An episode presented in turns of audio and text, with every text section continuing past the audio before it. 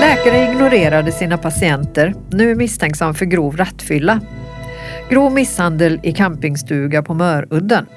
Jag heter Nicole Dubochan och du lyssnar på NVT Krim, en podd om värmländska brott. I den här podden tar Åsa Asplid och jag som är kriminalreportrar på NVT med dig som lyssnar bakom kulisserna till Värmlands undre värld. Det här är en podd om kriminalitet och brott men också om människoöden. Välkomna hit! Idag så blir det ju mest du som kommer att prata Åsa eftersom jag har varit ledig. Vi börjar väl direkt. Ja, det tycker Eh, jag. Det är lite specialavsnitt också för vi kommer att fokusera på en läkare som du har, har granskat de senaste veckorna Åsa. Mm. Och han har ju betett sig minst sagt märkligt mot sina tidigare patienter samtidigt som han själv nu är misstänkt för brott som är allvarliga. Men vi, vi kan väl börja från början. Vem, vem är den här läkaren? Ja, det är en eh, privatläkare i Karlstad. Han har eh, jobbat som eh, läkare i drygt 20 år så han är, har lång erfarenhet.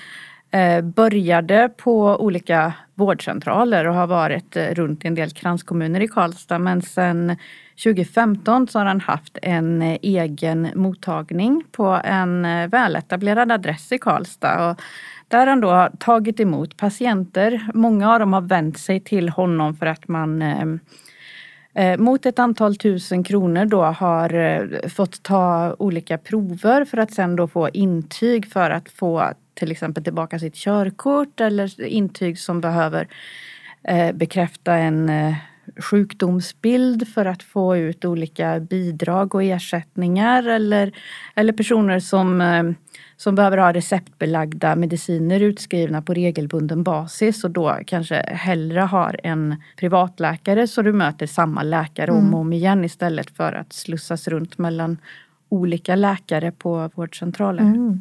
Men vad, vad är det han har gjort då? Kort och koncist kan man säga att han, eh, han gick mer eller mindre upp i rök. Eh, hux flux så var den här mottagningen stängd och eh, patienter som var mitt i sina behandlingar visste inte vart de skulle vända sig. De, ja, jag har träffat och pratat med flera personer som, som har beskrivit hur de försökte få tag på, på sin läkare via telefon, via mail, via att till slut eh, gå upp till mottagningen för att bara mötas av att eh, eh, hans mottagning är tömd och det är en ny läkare som använder lokalerna. Men ehm, vad har det fått för konsekvenser? Alltså för läkaren, är han polisanmäld och sådär eller? Ja, det var, det var ju lite grann det som, som gjorde att vi fick upp uppmärksamheten Mm. för det här. Han blev eh, polisanmäld för bedrägeri av en eh, person då som eh, då hade betalat läkaren, jag tror 12 000 kronor för att genomföra ett antal eh, prover och sedan få ett intyg men eh, då inte fick den här tjänsten som hade betalat för. När vi skrev om att en läkare var polisanmäld så ledde det till att personer hörde av sig Aha. till oss och eh, ja, ville påtala att det här har jag också varit med om. Och eh, sen visade det sig då finnas ett stort antal klagomål hos eh, IVO, Inspektionen för vård och omsorg, som rörde eh, exakt de här sakerna också. Patienterna då, vilka konsekvenser har det fått för dem? Det har fått ganska stora konsekvenser. Jag, jag var ju och träffade Viktor från eh, Filipstad. Eh, och han berättade en, sin historia och det, den liknar väldigt mycket flera av de andra personerna jag har varit i kontakt med. Eh, Viktor dömdes för rattfylleri för ett par år sedan. Det är inget han är stolt över men han har varit öppen med att det skedde. Eh, Det innebär att han blev av med körkortet. För att få tillbaka körkortet så måste du först ansöka om läm- få ett eh, lämplighetstillstånd från Transportstyrelsen. För att få det så måste du inom en väldigt tidsbegränsad ram komma in med ett antal blod eller urinprover som görs regelbundet under en sex månaders period och därefter få ett läkarintyg på att du har varit eh, drog eller alkoholfri under den här perioden och att man därmed intygar att, att personen är lämplig för nytt körkort. Så Viktor tog kontakt med, med den här privatläkaren och eh, betalade 12 000 kronor för att göra det här. Det, det funkade. Eh, sen ja, det, det är väldigt vanligt att att Transportstyrelsen sedan sätter som krav att man kanske ska göra tre sådana här perioder från det att du fått lämpet till att du börjar ta ditt körkort och även en period efter att du har fått körkortet. Mm. Så period två började och Viktor betalade samma summa för ytterligare sex månader. Då. Vad dyrt det blir. Ja det, ja. det, kostar mycket. Det är ju många personer som, som har reagerat på att ja, men, varför gick ja, till gick man inte till vårdcentralen. Ja. Men problemet är att eh, det är väldigt långa kötider eller väntetider mm. på vårdcentralen. Och eftersom Transportstyrelsen har en så begränsad tid när de här ska in så, mm. så kan det vara svårt att hinna göra proverna på vårdcentralen i tid. Därför är det många som då väljer att gå till en privat okay. läkare och genomföra det här. Period två inleddes och Viktor började göra de här proverna igen. Mm. Jag tror han hann göra kanske två prov. Därefter så så fick han inte kontakt med läkaren. Ofta så, så hörde ju läkaren av sig när det var liksom dags för nästa testtillfälle. Men han, eh, han hörde inte av sig så han började försöka få kontakt med sin läkare och eh, var en av dem då som gick till slut valde att gå upp till mottagningen bara för att mötas av, av att det var en helt ny person som arbetade där mm. och att ingen, ingen hade en minsta aning om vart läkaren var.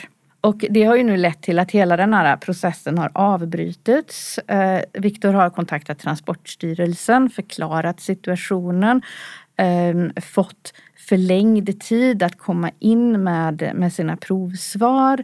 Men, men allting hänger fortfarande i luften för honom. Så men, men han har han betalat 24 000 för ingenting så här långt då? Eller, eller ja, får han räkna den, de två först, den första provomgången? Den första perioden är ju avklarad ja. och intyget har kommit in sådär. Ja, okay. så, så den är ju inte förlorad. Men, men den här andra perioden.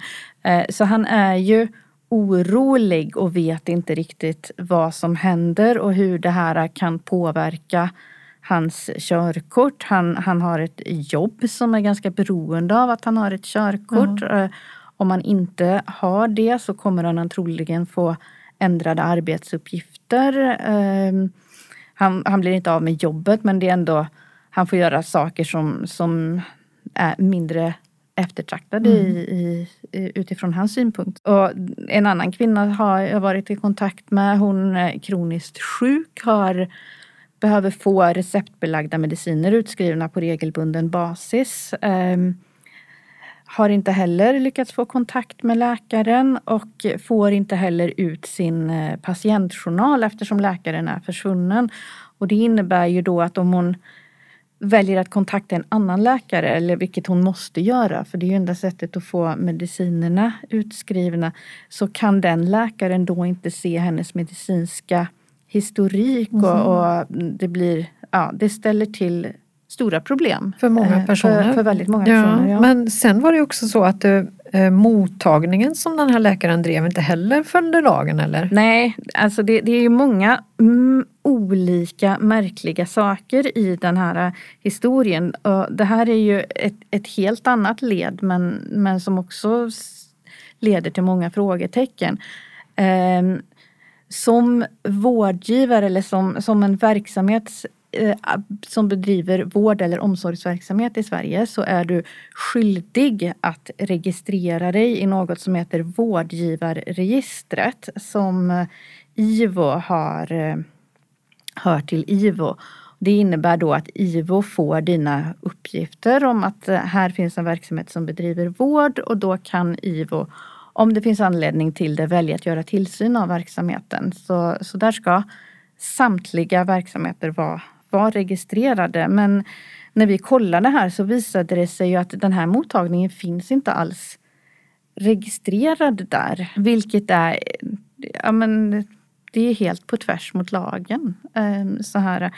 Eh, problemet här är ju att det är ju inte läkaren som blir skyldig till någon form av lagbrott utan det är läkaren startade ett aktiebolag och det är aktiebolaget som driver själva mottagningen. Så i, i juridisk mening så är det aktiebolaget som är skyldig till att ha gjort fel i det här läget. Sen när man då förklarar att aktiebolaget och den enskilda läkaren är ju i princip samma person eftersom det bara är läkaren som arbetar i, på den här mottagningen och som äger aktiebolaget. Så, så blir det lite, lite problem. Um, så här, jag, jag har pratat med både IVO och Socialstyrelsen och det är ingen som riktigt vet hur det, det fungerar. Det, det är otroligt snårig mm. uh, juridik här, vem, vem man kan ställa till svars för att man inte finns registrerad här. Men den här läkaren han är också misstänkt för helt vanliga brott om vi ska uttrycka det så, eller hur? Ja, det är ju det, det dök upp uh, ungefär i samband med att vi hade börjat titta på den här märkliga omständigheten att han bara hade försvunnit så, så visade det sig plötsligt att att uh, det kom ett åtal mot honom där han var misstänkt för grovt rattfylleri. Vad hade hänt då? då? Det är en ganska anmärknings värd historia. Det, hela händelsen utspelade sig i oktober 2021 så att det, det är ju nästan ett och ett halvt år sedan. Men då hade han och hans fru varit i Grebbestad på hummerpremiären. Ganska storstilad tillställning och han beskriver i förhör att de hade både ätit och druckit gott under kvällen. Av någon anledning så blev han och hans fru osams. Eh, så han valde att, eh, att gå från från hotellet. Och, se, och det, det, är ju sen som det blir väldigt, väldigt märkligt mm. eh, kan man tycka. Eh, det här är ju inte prövat i domstolen så att vi får se vad en men det domare i ett senare skede. Ja, eh, men, men, det som skedde var enligt läkaren då mm. att han gick där ganska arg och ville komma tillbaka hem till Karlstad. Eh, och då möter han plötsligt en, en man på gatan som han kommer i slang med. Han beskriver det, han hette Johan eller John, han kommer inte riktigt ihåg vilket. Eh, det slumpar sig så då att den här mannen Johan, han, han vill också till Karlstad under, på kvällen. Så läkaren förklarar, ja men jag har ju en eh, bil som står här borta så vi kan ju göra så att eh, du kör min bil och så sätter jag mig i passagerarsätet och så kommer vi båda två till Karlstad då. För enligt läkaren, läkaren uppfattade väl Johan då som en nykter person, mm. vilket han då själv inte var. Så, så det är det som händer enligt läkaren då. De, de kör mot Karlstad, han i passagerarsätet, okände Johan bakom ratten. Hur gick färden då? Mm. Ja, den, den gick snabbt.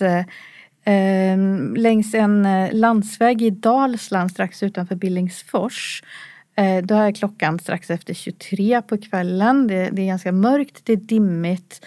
Det är en smal väg som är känd för att ha mycket vilt som springer mm. eh, i, i närheten. Där vittnar eh, flera bilister om hur de plötsligt blir omkörda av en bil i en hastighet som de uppfattar som närmare 200 kilometer i timmen. Oj. Det här är ju en eh, det, det, är ju vansinnesfart. Alltid men särskilt i de förhållanden mm. som rådde vid det här tillfället. Sedan så är det då några bilister som beskriver hur de kort därefter kommer över ett backkrön och ser samma bil då ligga, ha, ha kraschat in i en villaträdgård och den ligger på, på taket i trädgården och eh, har börjat brinna. Det här, den här kraschen skedde ju inte ljudlöst.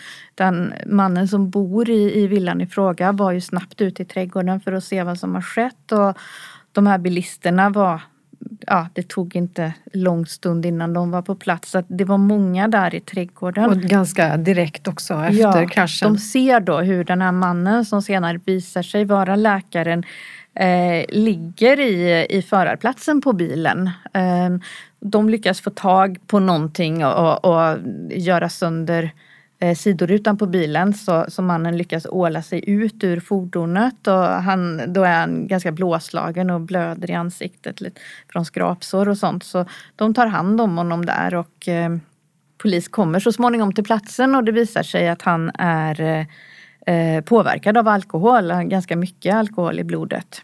Men eh, han nekar ju bestämt mm. till, till brott och hävdar då att eh, han har ju suttit i passagerarsidan och har inte kört den här bilen.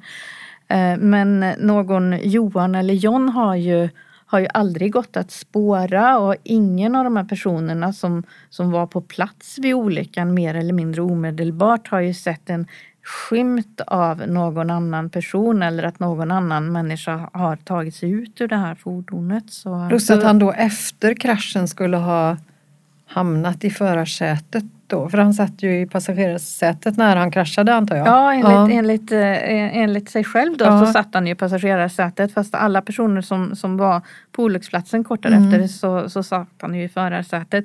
Så vi får väl se hur, mm. hur en domare bedömer det här när det blir rättegång så småningom. Ja. Men sen var han väl också åtal, åtalad för ytterligare ett brott om jag förstår. Och det är ju en, en annan händelse då. Mm. Det skedde i maj förra året. Eh, då fick eh, polisen larm om eh, Ja, det, jag tror att det var grannar som hade ringt polisen och larmat om, eh, man, man trodde att det, det, kunde pågå en misshandel på en adress i, i Karlstad.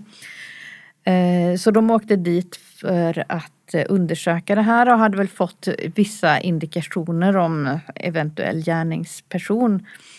Eh, när de börjar närma sig adressen så, så kommer en man gående längs vägen som väl motsvarar signalementet på den person man har fått. Då. Så, så polisen stannar och eh, tar sig fram till, till mannen då för att kolla vem man är och, och man väljer då att ja, man vill sätta in honom i polisbilen för mm. att bara höra honom lite grann om omständigheterna till, till det här telefonsamtalet man har fått. Eh, men där och då så, ja, och den här mannen är ju då läkaren mm. återigen. Han vill inte alls sitta kvar i polisbilen och eh, börjar då sätta sig till motvärn helt enkelt. Med tanke på polisens agerande så, så har det nog inte varit av det, Bara verbalt? Ja, det, av det lindrigare mm. slaget så. För det, det slutar med att polisen helt enkelt brottar ner läkaren på marken och pepparsprayar honom bara för att kunna få honom under kontroll i den här situationen. Så det, det har då lett till ett åtal. Mm. Men eh, inget av det här låter ju särskilt lämpligt då för en läkare kanske? Nej, det kan Men, man ju tycka. Kan han fortsätta att jobba då? Ja, eh, är väl det korta svaret på det.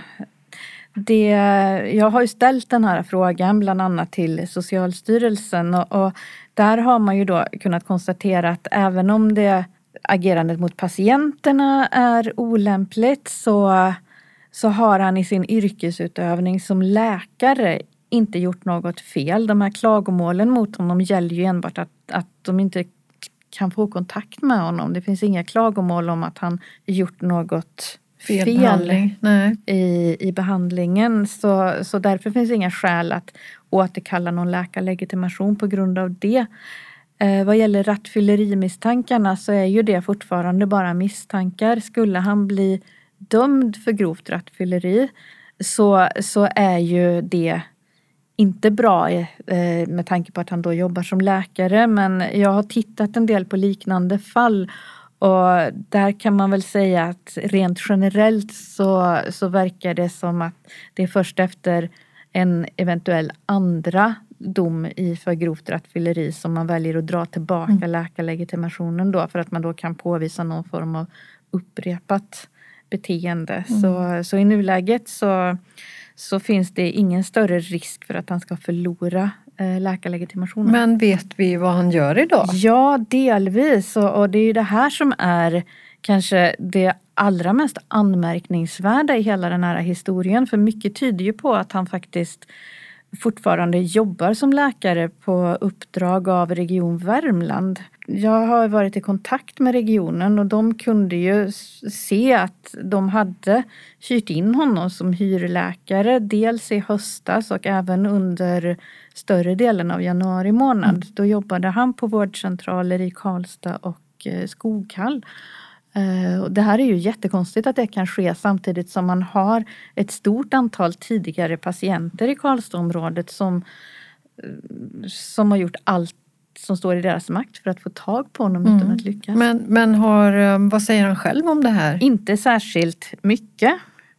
Kan man säga. Jag, jag har ju sökt läkaren upprepade gånger via telefon och, och sms och inte lyckats få tag på honom. Däremot så har han vid ett tillfälle då svarat eh, på sms. Så han vet ju om att jag söker honom. Han vet om vad vi skriver. För, för korta meddelandet från honom var ju mer eller mindre skandalläkaren... Punkt, punkt, punkt.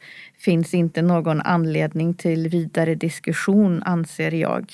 Eh, och inget mer. Och Okay. när jag har ja, svarat på smset så har de valt att inte återkomma. Okay. Vill du och ditt företag nå ut genom våra poddar? Vi på NVT Media hjälper dig med din marknadsföring. Kontakta oss på mediepartner.nvtmedia.se så berättar vi mer.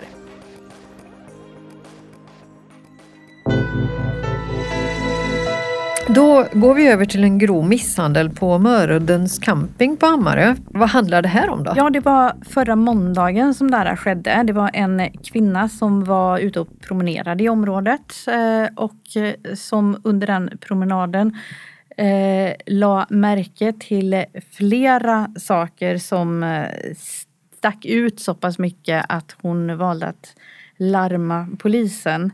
Eh, Jag har pratat med den här kvinnan så mm, vi ska ta det mer detaljerat. Det som hände var att eh, hon eh, mötte först tre män som hon uppfattade som väldigt udda i sammanhanget. Det i sig är inget brott. Ing, inget brottsligt eller något konstigt med. Men eh, kort därefter så, så kom hon fram till en av campingstugorna ute på den här campingplatsen då.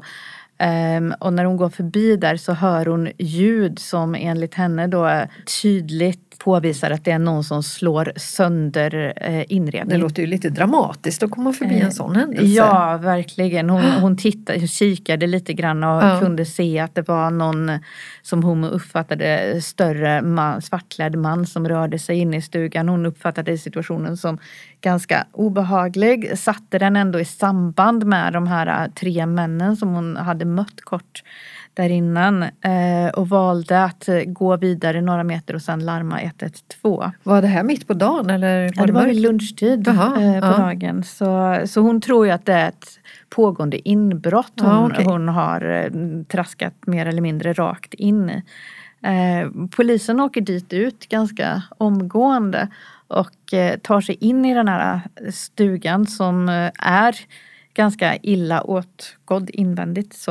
Eh, men där inne hittar man då även en man i 30-årsåldern som ligger svårt misshandlad eh, Mhm. där inne. Men var de andra, ja de var, hade redan gått då ja. Ja, det Ja. var eh, den enda som fanns kvar på platsen Ja. var den här misshandlade mannen när polisen kom dit.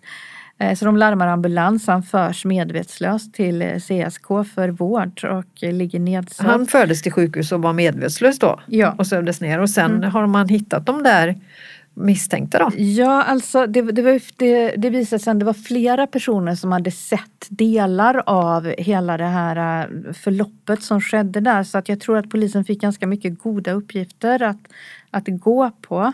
Och man hade väl även någon viss teori om vilka som hade använt den här stugan med.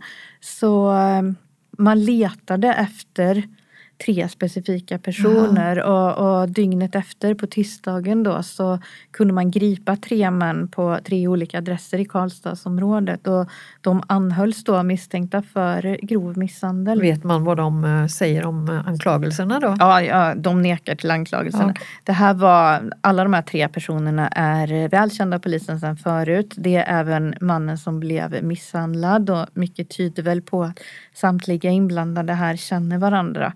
Eh, Men det är eh, väldigt oklart eh, vad det finns för eventuellt motiv till den här misshandeln. Men är de här tre misstänkta eh, häktade nu eller? Det hade ju jag trott att de skulle vara men lite överraskande så valde åklagaren att eh, inte begära dem häktade överhuvudtaget så de försattes på, på fri fot under förra veckan redan.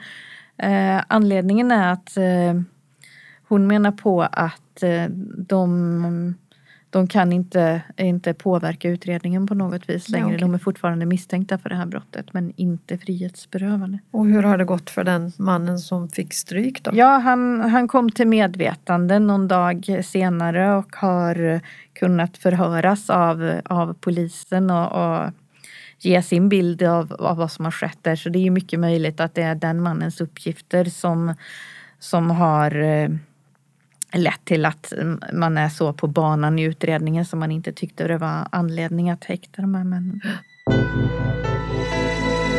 Det har kommit dom i ett mål som vi har pratat om förut här i podden. Och det gäller den här misstänkta narkotikaligan i Kristinehamn som avslöjades i en hemlig polisinsats som, som eh, i sin tur avslöjades av eh, trafikpolisen när de gjorde en eh, nykterhetskontroll. Ja, det, var, det var ju lite olyckligt ja. Eh, sammanträffande där. Men, men domar kom det ju, ett åtal och domar har det kommit ja, också. de här personerna greps ju på platsen där då blev misstänkta för, för flera brott. Och eh, det var rättegångar för ett par veckor sedan vilket har lett till att eh, mannen som man då har ansett varit ledare för den här ligan, 26-årig man från Kristinehamn, döms till eh, två år och sex månaders fängelse för grovt narkotikabrott. Två fall av rattfylleri, ringa narkotikabrott och olovlig körning. Sen har vi hans två kumpaner kan man väl kalla dem. Det är en 22-åring, även han från Kristinehamn. Döms till fängelse i ett år och sex månader för grovt narkotikabrott men även för ringa narkotikabrott. Och så en eh, 25-årig man. Eh, han döms till ett år och nio månaders fängelse för narkotikabrott, rattfylleri men även för grovt penningtvättsbrott. Och, och den här sista brottsrubriceringen den rör ju att man hittade en halv miljon kronor i kontanter ungefär i den lägenheten där han bodde tillsammans med sin eh, mamma och eh, storebror. Ja, det har ju lett till att även hans mamma har dömts för grovt penningtvättsbrott. Eh, det blir villkorlig dom, 100 dagsböter för henne mm. och storebrodern döms till skyddstillsyn för grovt penningtvättsbrott. Tror du att hon kommer att klaga? Ja, jag skulle gissa ja. på det. Ja, så avslutar vi här med ett eh, straffföreläggande som har varit ganska uppmärksammat här eh, senaste dagarna. Det gäller flygplatschefen Camilla Sperling. Nicole, det här har du koll på? Det har jag koll på. Mm. Flygplatschefen Camilla Sperling, hon är ju VD på flygplatsen. Hon har accepterat ett straffföreläggande och ska betala 67 200 kronor för eh, folkbokföringsbrott. Mm, vad är, vad det, är det hon har gjort för någonting? Ja, hon har varit, eh, hon flyttade ju hit till Värmland till Årgäng när hon fick jobbet som VD på flygplatsen. Det var den första april 2020. Och, eh, men hon var inte skriven i Årgäng och det kom in en polisanmälan om det. Och det ledde till eh, den här utredningen då som nu har ja, slutat med att hon Eh, acceptera det här strafföreläggandet. Hon var, istället för att skriva sig i Åräng så flyttade hon och hela familjen till eh, en liten lägenhet, en etta i eh, centrala Stockholm. Och Camilla Spelling hon säger, jag frågar varför hon varför hon erkänner, för hon säger samtidigt att hon inte har gjort det här med vilja eller uppsåt och det, hon säger att det har blivit något fel helt enkelt när man har då flyttat eh, från huset i Stockholmstrakten till den här lägenheten. Och att hon liksom följde med familjen på, på köpet så att säga. Man kryssade i fel ruta i en blankett har hon förklarat det som. Mm, men så. nu har hon valt att lägga det här bakom sig då? Ja, nu, hon har ju fortfarande styrelsens fulla stöd och Eh, så jag tror faktiskt inte att det kommer att bli något mer av det här utan hon kommer att betala sina böter. Hon säger att hon utgår ifrån att hon också får straffskatt eftersom det är lägre kommunskatt i Stockholm än vad det är i Årjäng. Eh, så hon, hon sa till mig att hon känner, tycker att det känns bra att kunna göra rätt för sig. Vill du höras i våra poddar? Vi hjälper dig och ditt företag med allt ifrån budskap till produktion Kontakta oss på mediepartner.nvtmedia.se så berättar vi mer.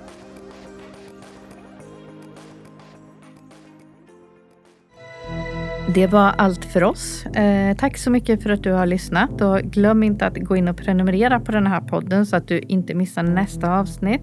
Tipsa gärna en vän om att vi finns också. Det går bra att diskutera podden eller komma med tips på vad du tycker att vi ska prata om i vår Facebookgrupp NVT Krim. Jag heter Åsa Asplid. Du har även lyssnat på NVTs kriminalreporter Nicole de Boursan.